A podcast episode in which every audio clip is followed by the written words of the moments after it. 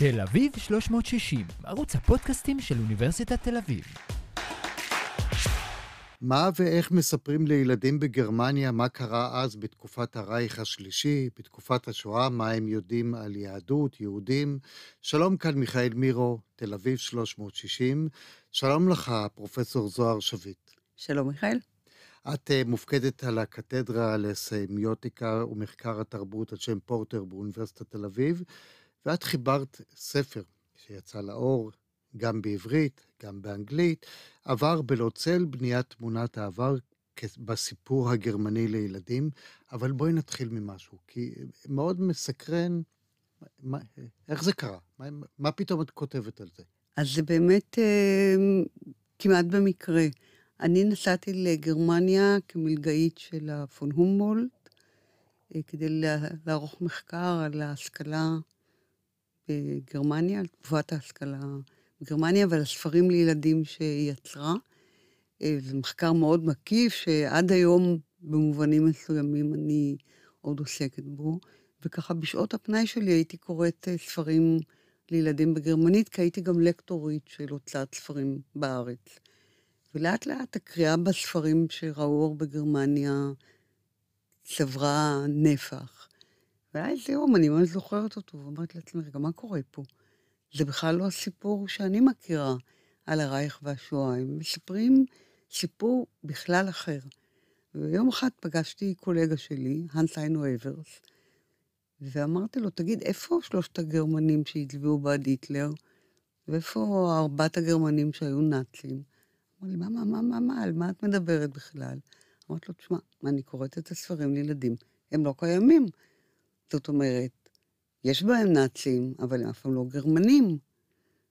ואין אף גרמנים שתמכו בהיטלר, ובכלל הם היו קורבנות של היטלר, ובכלל הם לא רצו לפגוע ביהודים, והיהודים הם בכלל לא הקורבן של מלחמת העולם השנייה והרייך השלישי, אלא הגרמנים. אמר לי, מה, בואי נעשה על זה כנס.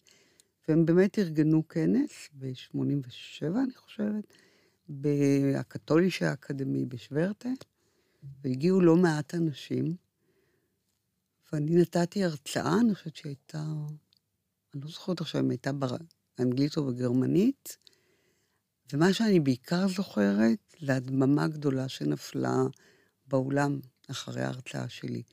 וצריך להבין שהקהל שהגיע לכנס הזה, זה הקהל שאכפת לו, והנושא מעניין אותו, והם בוודאי היו רוצים שיהיה שיח מדויק או נכון, או אמית, במובן מסוים אמיתי, על הרייך השלישי והשואה.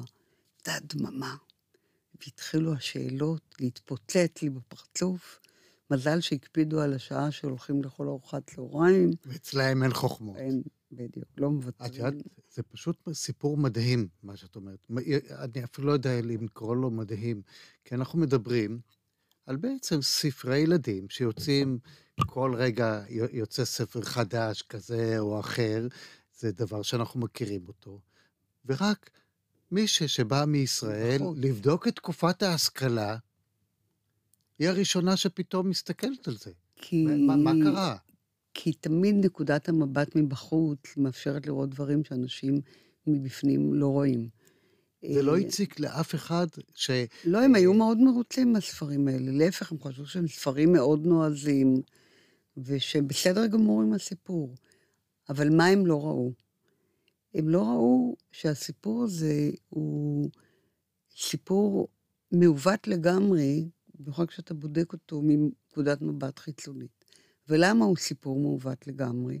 הוא סיפור מעוות לגמרי מפני שהמספרים הגרמנים מספרים א', סיפור הומוגני, שזה נורא מוזר, כי אחר כך, כשהתחלתי לשקוע במחקר, התחלתי לבדוק את ה... האם יש באמת מכנה משותף בין הסופרים.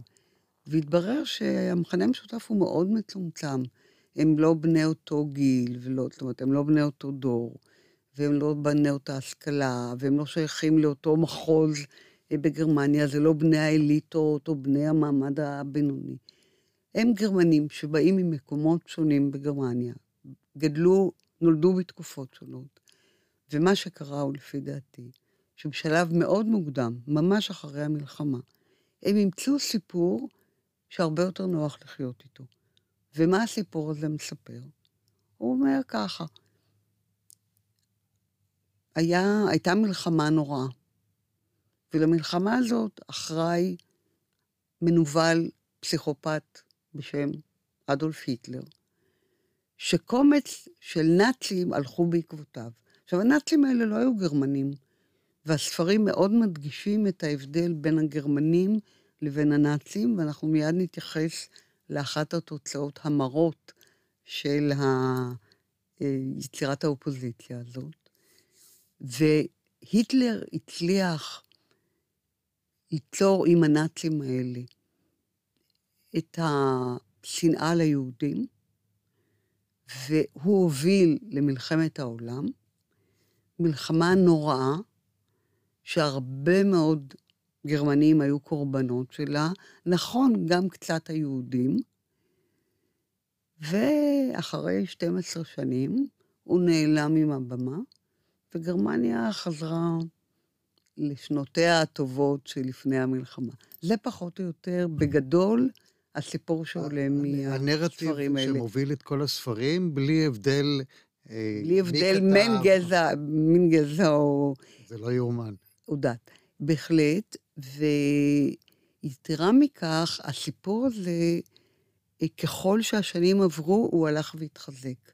ואנחנו יכולים למצוא אותו גם בספרות למבוגרים, אפילו אצל הסופרים הכי מרכזיים כמו גינדר גראס, וגם בקולנוע.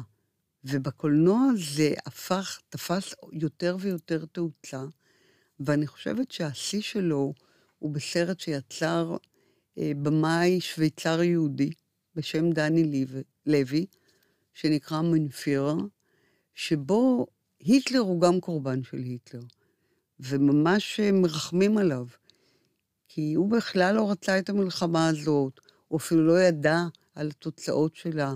הקצינים שלו מסתירים ממנו את התוצאות שלה. והוא מתייד... מביאים, הוא מאבד את כוחו, את כוחותיו בסרט, ואת מי מביאים לו כדי לחזק אותם? יהודי בשם אדולף גרינבאום, שהוא מורה לדרמה, והוא אמור לתת להיטלר מחדש את הכוחות שהוא איבד, ובצנה האחרונה של הסרט, היטלר לא מסוגל לשאת את הנאום, נאום מוטיבציה להמון הגדול שמחכה בחוץ, ומי נותן את האמון הזה? היהודי. ובתוך כך כמובן הפלגות לסרט של צ'רלי צ'פלין ועוד ועוד ועוד. אז הנרטיב הזה הפך לנרטיב, master narrative בעצם, מכונן, ששולט חזק מאוד בשיח הציבורי, לא רק בספרים לילדים, אלא גם בספרות למבוגרים גם, וגם בקולנוע. וצריך אה, לומר שזה קורה תוך כדי תהליך שגרמניה אומרת, אנחנו השתננו, זה גרמניה אחרת, וזה לא הגרמניה שאתם חושבים, ובעצם תרבותית נבנה נרטיב שפשוט מחזק שכל מה שאתם יודעים על העבר הוא לא נכון. אה, אתה יודע, זה נבנה נרטיב אחר. קודם כל, אני רוצה, אני רוצה לומר שני דברים. גרמניה היא באמת דמוקרטיה למופת, ויש הרבה מה ללמוד ממנה. במיוחד גרמניה של מרקל. ראיתי עכשיו סרט על, בפסטיבל הסרטים בירושלים, כן. על מרקל, ואתה עומד עמום מול הדמות שלה, ובעיקר מול מדיניות הפליטים שלה, שהצילה חיים של מאות אולי, מה, מאות אלפי... אה, בני אדם. בני אדם. אז גרמניה היא בהחלט דמוקרטיה למופת.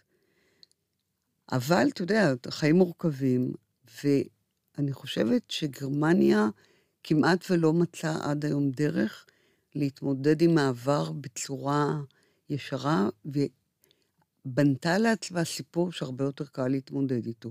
עכשיו, אני רוצה לסייג ולומר... שזה בעצם, המחקר שלך, זה לא בא להגיד על גרמניה, זה, זה, זה מה שקורה, זה בעצם עיצוב של תרבות. אז, נכון, והסיפור שהם מרושים, מורישים לילדים שלהם. עכשיו, אני השתתפתי בהרבה דיונים אחר כך על הספר, ואחד ה... הדברים שתמיד הטיחו בי, זה מה את רוצה, שאנחנו נספר לילדים את האמת?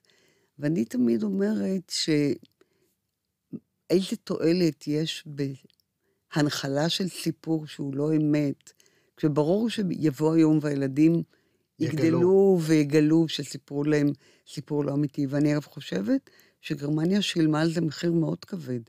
אה, כל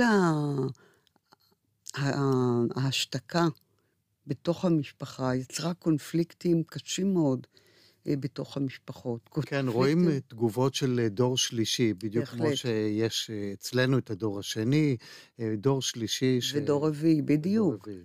שאגב, דור שלישי שכמעט לא הקים דור רביעי, הלוא היו שם שנים שהם הפסיקו בכלל ללד, להוליד, וממש אה, הייתה להם בעיה דמוגרפית נוראה שנפתרה בסופו של דבר בזכות העובדים הזרים. אה, המהגרים. המהגרים אה, שהגיעו לגרמניה. אבל אה, אז ממה הורכב הסיפור שהם סיפרו?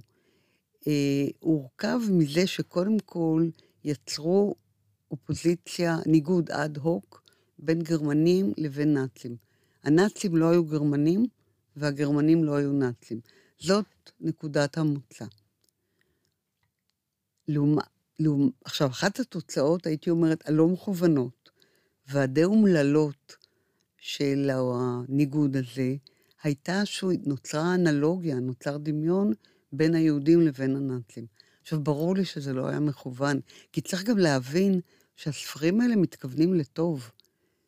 זה שהפילושמיות שלהם, כפי שאנחנו נראה עוד מעט, הפכה לאנטישמיות, זה גם תוצאה לא מכוונת. אבל זו, אלה התוצאות המרות של הסיפור הזה. אז תוצאה אחת היא שנוצר דמיון בין נאצים לבין יהודים. למה הוא נוצר? כי הנאצים הם האחר, ומי האחר האולטימטיבי? היהודים. לפי הגרמנים היהודים. ואז יש ביניהם המון מן המשותף. שניהם אחרים, כן. הם אחרים. הם גם פיזית נראים אותו דבר. הם שחורים וקטנים. תמיד תמיד היהודים הם שחורים וקטנים. אני זוכרת, הילדים שלי הם לא שחור, הם לא שחור, לא, הם, הם עם שיער בהיר ועיניים כחולות. ותמיד, או, הרבה פעמים היו אומרים לי, אבל הילדים שלך לא יהודים. זאת אומרת, הם, הסטריאוטיפ הזה של היהודי השחור והקטן כל כך מוצנע, מוטמע בתרבות, שקשה להם אה, להתמודד עם אה, יהודים שנראים אחרת. אז מצד אחד נוצר דמיון בין היהודים לנאצים. יש להם טקסים מוזרים, ובספרים לילדים המון פעמים הטקסים של היהודים, שלא תמיד ברורים עד הסוף ולא תמיד מדייקים בהם. למשל, יש ספר שחוגגים בר מצווה בגיל 14, יש פתאום טקס אה, של לפני המוות, של וידוי, אה, שהוא כזה מין עירוב בין הטקס הנוצרי לטקס היהודי, כל המנהגים של האוכל המוזרים אה, שלהם. כל אלה יוצרים הרבה מאוד דמיון בין היהודים לבין הנאצים, ושתי הקבוצות האלה גורמות נזק לגרמנים. אה, אבל הם לא מודעים לזה, זאת אומרת... בוודאי אה, שלא. הם לא מודעים, כי צריך לזכור שאנחנו מדברים על ספרי ילדים, זה לא ספרים שהממלכה כותבת אותם, אלא זה אנשים אה, אה, מן העם, שכל אחד כותב את מה שהוא רוצה. ומה שמעניין, וזה החידוש המרתק פה בסיפור שלך, שזה אה, נכון שהם באים ממקומות שונים, אבל זה אותו דבר. בדיוק, הסיפור הוא הומוגני. זה אומר שיש יש- פה איזה נרטיב. בדיוק, master narrative שכולם ימצאו לעצמם, כי אחרת זה בכלל לא הגיוני. איך זה יכול להיות שאנשים שמספרים את האוטוביוגרפיה שלהם ונולדו ב-1930, מספרים אותו סיפור שמספרים אנשים, סופרים שנולדו ב-1960. אז כמובן שמה שיש מאחורי כל הבנייה של הסיפור הזה, זה המאסטר נרטיב הזה ששולט בכל, ה... בכל הסיפור. את במחקר שלך קראת אה, המון ספרי אז ילדים. זהו, מה שקרה הוא שבהתחלה אני פרסמתי איזשהו ספרון, ואז אמרו לי, זה לא יכול להיות, Mm. ואת לא קראת את כל הספרים. אז אמרתי, אה, ככה אני אלך ואקרא את כל הספרים. והיה מדובר ב-340... שקראת את כולם. כן, ברור. לא, הקדשתי לזה כמה שנים, אה, בטח שנתיים לפ- לפחות. אה, ואז התוצאה הייתה הרבה יותר גרועה, כי זה מאוד התברר עד כמה זה חוזר על עצמו. אני אשאל לך- ו- אשאל אותך שאלה אישית. את קוראת כזה ספר, מה עובר לך? זה, זה, זה הרי, אה, כמי שחשה את הפגיעה, כי את מבינה את זה, זה, זה, זה, זה עושה לך חשק להמשיך לקרוא את זה, או... אה, האמת שבאיזשהו שלב די נמאס לי, וזה זה מאוד הכעיס, זה מאוד מרגיז. וגם זה מפסיק להיות מעניין, כי את כבר, אני יודעת, ברגע שנכנסת איזושהי דמות לסיפור, אז את כבר יודע אם זה יהיה יהודי, אם זה יהיה גרמני, או זה, אם זה יהיה נאצי. נאצי. אה, ו, ומאוד ברור איך, איך הם יוצגו. עכשיו, עוד תוצאה, אה, שוב, לא מכוונת, זה הסטריאוטיפים האנטישמיים הרבים שממלאים את הספרים. וגם פה צריך להבין את התהליך שדרכו הם נכנסים ל master narrative. כי שוב, הספרים מתחילים בפילושמיות. הם כולם נורא פילושמיים, וכל הגרמנים נורא אוהבים ילדים ויהודים. וכל הגרמנים ניסו לעזור ליהודים. ולמה זה לא הצליח? כי היהודים לא תמיד שיתפו פעולה. אבל בסיפור הרגיל תמיד מספר על גרמנים שניסו לעזור ליהודים, אפילו כאלה שנראים, הם נאצים לכאורה, אבל בסוף מתברר שהם גם מנסים לעזור ליהודים. אז איך קורה שהפילושמיות מתגלגלת לאנטישמיות? כי הפילושמיות הזאת, קודם כל מניחה את היתרון היהודי האבסולוטי. היהודים הם תמיד יותר, הם יותר מוכשרים, הם יותר טובים במתמטיקה, הם יותר טובים בשחייה, הם בעלי יכולות הרבה יותר רבות מהגרמנים, ובעצם לגרמנים לא הייתה ברירה, הם היו זקוקים לנאצים כדי שייווצר סוף סוף איזה שוויון הזדמנויות אה, ביחס ל... לגרמנים, אה, ביחס ליהודים. זאת אומרת, ליהודים יש מלכתחילה כזה יתרון גדול מובנה, שרק הנאצים אפשרו להם להשתחרר מההשלכות שלו. ומבחינה זאת, מה שהסיפור הגרמני בעצם אומר, הוא אומר, לא, לא הייתה לנו ברירה. אם היינו רוצים להגיע לשוויון עם היהודים, היינו זקוקים לנאצים שיביאו אותנו לשם. את יודעת, אני מסתכל על מדינה שבה היה אה, שר התעמולה, גבלס, שעבד קשה, הפעיל את הבמאית הכי טובה שהייתה כדי שתספר את הסיפור, ופה בעצם זה וולונטרי. אפשר לראות את זה כך. זה כאילו... אבל, אבל זה בא ממקום... אנטישמיות מופרטת. זאת אומרת, אה, זה, זה לא בא מהממלכה, זה לא בא מגבר, לא, זה לא בא זה מ... זה בא מסיפור ש... תראה, הרבה יותר נוח... שהשתרש מאוד ל... חזק. ומהר מאוד. כי עכשיו תסתכל על זה מנקודת המבט שלהם. הם אמרו, עמדו מול מעשי הזוועה, שרובם באיזושהי דרך היו קשורים בהם. זה תמיד איזה סבא או איזה דוד או איזה קרוב משפחה או איזה שכן שהיה חלק מהמעשים. לא פשוט להתמודד עם זה. זה, זה מאוד מאוד קשה. אה, וגם לראות בהורים שלך או בסבים שלך מבצעים כאלה פשעים. אז הדרך להת... להתמודד עם זה, לספר סיפור אלטרנטיבי. עכשיו, זה נורא בולט ב... אם אנחנו מדברים על ה... אני רוצה לדבר על תמונה אחת ועל קטע אחד מסיפור. כולנו מכירים את התמונה של הילד היהודי שיוצא מהבונקר. ובתמונה הזאת רואים כמה חיילים וקבוצה גדולה של יהודים, והילד שברור שהוא מלא אימה, וזה הפך בעצם לאייקון של הסיפור, אה, סיפור השואה. התצלום המקורי נלקח מהאלבום של אירגן שטרופ, שהיה המפקד שדיכא את גטו ורשה. אה, בספר, בספר לילדים, מכל התמונה האיקונית הזאת, הוחלפה התמונה. קודם כל, מי שמתבונן זה לא אירגנשטרופ שצילם אותה, אלא זאת ילדה תמימה שמנסה לעזור ליהודים. כלומר, מנקודת המבט שלה הסיפור מסופר. היהודים הקורבנות האחרים נעלמו, הגרמנים, החיילים הוחלפו בקציני אס אס, ולכן כל הסיפור מספר סיפור של ילד יהודי אחד מול קציני אס אס, וילדה גרמניה תמימה שמנסה לעזור אה, לקורבן היהודי. אז מבחינה זאת, בתמצית, התמונה הזאת מספרת את המאסטר נרטיב הגרמני באופן מאוד ניכר. והקטע, הדבר אחר שהייתי רוצה אולי לקרוא אותו אפילו, בבקשה. זה האופן שבו הפילושמיות מתגלגלת לאנטישמיות. מדובר בספר שהיה מאוד מאוד פופולרי, פעם היה זה פרידריש. אגב, שיד ושם הוציא אותו לאור בעברית, אתה שואל אם הם לא היו מודעים, גם ליד ושם זה לא הפריע, הסיפור הזה. הוא ספר שנמכר בלמעלה משישה מיליון עותקים, ותמיד ראו בו את הספר שמספר את סיפור השואה, הוא יצא לאור כבר ב-1960. הבנתי שהיום מתחילים להסתייג ממנו בעקבות המחקר שלי, אבל זה באמת היה... התחילו לקרוא ולהבין את המשמעות. התחילו לקרוא, אומרת... התחילו להבין שיש מטעות, משמעות גם סבר, חתרנית לספרים, שלא תמיד מה שנאמר בגלוי זה מה שנאמר באופן לא גלוי, ולפעמים צריך להבין את הקריאה היותר מתוחכמת.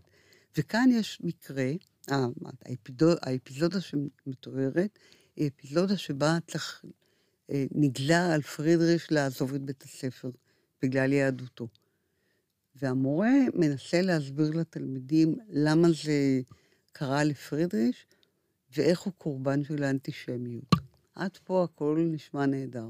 מורה שבא להתגייס לעזרת התלמיד היהודי ומסביר את מקור האנטישמיות. ובדברים שלו אנחנו רואים לאט-לאט איך שמטקסט פילושמי הוא הופך לטקסט אנטישמי מוחלט. ורק את הקטע הזה אני רוצה לקרוא. בבקשה, כן. נוצרים אנו, ועלינו לזכור כי היהודים צלבו את ישו אדוננו. ובפסקה הבאה, מאשימים את היהודים שהם ערמומיים ומרושעים, ואיך לא יהיו. טוענים שהיהודים רודפי בית להם ורמאים. היש פלא בכך? הם למדו לדעת שהכסף הוא האמצעי היחידי שבעזרתו יוכלו לשמור על חייהם ועל ביטחונם. אז זו דוגמה מובהקת כמובן לאופן שבו ה... אה, הפילושמיות הרבה, הרצון לעזור ליהודים, הופך לאנטישמיות, וזה קורה ב, בהרבה מאוד ספרים. מישהו קרא את הטקסט הזה? כולם או... קראו את הטקסט הזה, הוא, נמכר, וזה... הוא נמכר ביותר משישה לא, מיליון עתקים. לא, אני מדבר מישהו, את אומרת שיד ושם, אז הם קראו את ה... או, או שהם שוב, ראו את ה... הם ראו את, את התמונה הכללית, סיפור על יהודי, על יהודי וגרמני. הם, הם לא הבינו אף... אני חושבת שהרבה פעמים לא מבינים שספרות היא עניין מורכב, שיש בו טקסט גלוי וטקסט חתרני, ושמה שחשוב הוא בעצם הטקסט החתרני.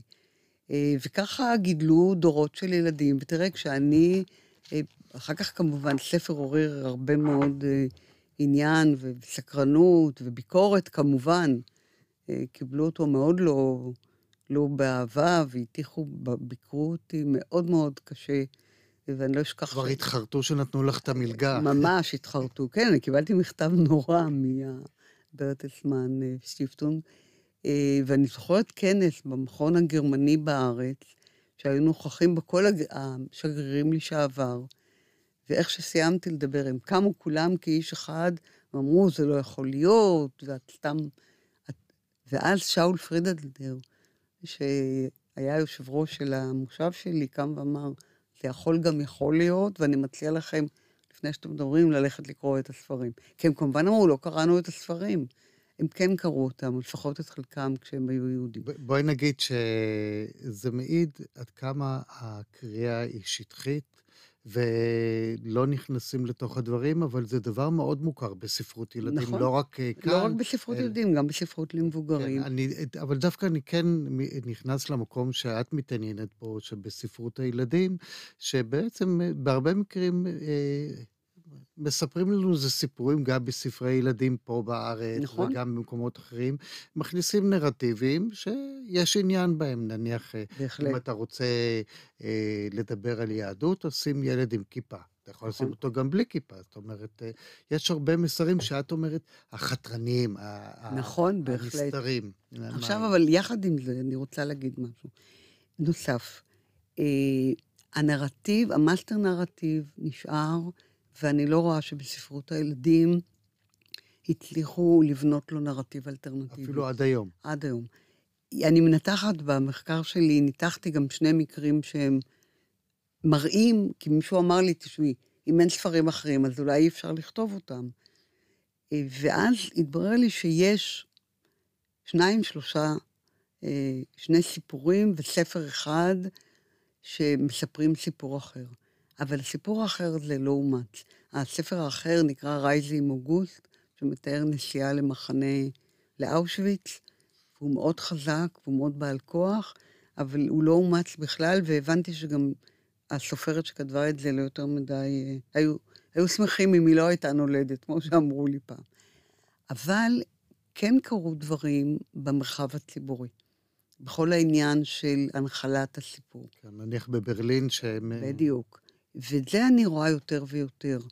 אה, אני רוצה להביא שתי דוגמאות לזה. כולנו מכירים את המצבה הגדולה, את האבנים האלה במרכז ברלין, ליד ה... לא רחוק מהברנדבורג, משער ברנדנבורג, שאי אפשר לא לראות אותם כשנמצאים בברלין. אבל אני מוצאת הרבה עניין דווקא בפרויקטים קטנים יותר. אחד מהם זה מה שנקרא אבני נגף, שבתוך המדרכה שמים אבן קטנה שמספרת את ה... בקיצור, את אה, שנת הלידה ושנת המוות של מי, ש... מי שהיה שם. מי שחי שם. והעיר מלאה בהם, ואתה לא יכול לא לראות את זה. זה מאוד מאוד אפקטיבי. וזה בא מהממלכה. זאת אומרת, אם אנחנו אומרים שה... מפרויקט שקיבל, לא, זה, זה לא ברור, זה צמח מלמטה, ואחר כך קיבל אישור גם מלמעלה. זה, זה לא בא מהממשלה בהתחלה. הממשלה עוד, אה, עוד לא מוכנה להתמודד עם זה, והיום אני בספק אם היא תהיה מוכנה עם מה שקורה היום בגרמניה, בעידן הפוסט-מרקל. והפרויקט השני, שהוא עוד יותר מעניין, אה, זה הפרויקט ברובע הבווארי, הבייריש פירטל. שם הם תלו אה, בכל הרובע שלטים שמתארים את הגזרות נגד היהודים מ-33 ואילך. והשלטים האלה ממלאים את הרובע, אה, כמו האיסור לגדל חתולים, האיסור לבקר, בג... לשבת על ספסלים, האיסור לקנות אוכל אחרי אה, שעה, שעה בין השעות מסוימות, האיסור של רופאים לעבוד וכולי וכולי וכולי. מישהו אמר לי שהוא לא היה מוכן לחיות ברובע כזה. ובהתחלה, ש... וזה בנוי ככה שמצד אחד יש איור, למשל, כשאסור לגדל חתולים, אז יש איור של אה, חתול, ומצד אחר יש הגזרה עצמה. וכשאתה רואה את ה... זה נותן תמונה כל כך ברורה על ההידרדרות שחלה בחיי היומיום של היהודים עד הסוף המר. זה לא היה תהליך שהתחיל בבת אחת, זה היה תהליך מאוד איטי, שמרר את החיים של היהודים עד שהפך אותם לבלתי נסבלים, עד ששלח אותם אל מותם. וסיפרו לי שבהתחלה, כשתלו את השלטים האלה, אז זה רובע כזה בורגני טוב. אז התושבים התחילו לצלצל לערב, אמרו, מה זה? מה זה, מה זה הגזירות האלה על היהודים? אנחנו לא מוכנים לזה בשום אופן. הם בהתחלה לא הבינו כן. שמביימים להם את המציאות של... כדי להבין מה היה פה. וזה מאוד מאוד חזק. וזה ממחיש יוצא מן הכלל נרטיב שונה לחלוטין. ואני מקווה שיום אחד הוא יגיע גם לקולנוע. גם לספרי הילדים ולקולנוע. וגם לספרי הילדים. שזה, התחושה היא כאילו שזה קורה, אבל את אומרת שבעצם... לא, לא, לא, אה, זה ממש לא... זה, אני אהיה אופטימית, ואני אומר שזה עוד לא קורה. כן. אה, וגם עוד לא קורה שהספרים האלה, שאני מתארת כאן, הם לא נעלמים מהמדף. הם עדיין ברשימות הקריאה המומלצות, והם עדיין נלמדים בבתי הספר. ואם יש ספר אחד שכל הגרמנים מכירים, כולל ששת השגרירים האלה שקפצו ואמרו שזה לא יכול להיות, זה הספר הזה פעם היה פרידריש. את דיברת עם מורים שמרצים על זה? מה הם אומרים? זאת אומרת, אה, מורה או מורה שלוקחים את הספר הזה ומקריאים אני... את הקטע שאת הקראת לי אותו. אז לא, אני לא מוכרחה לא להודות שחלק גדול מהם כאילו קיבלו בשוק את הניתוח שלי, אבל קיבלו אותו. זאת אומרת, הם אמרו, וואו, איך לא ראינו את זה? וחלק אחר אה, ממש דחה את.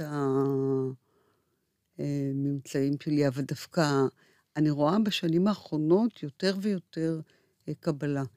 אה, אני, היה שלב שהפסקתי ללכת להרצות על זה, כי פשוט לא היה לי כוח להתמודד עם זה, כוח נפשי.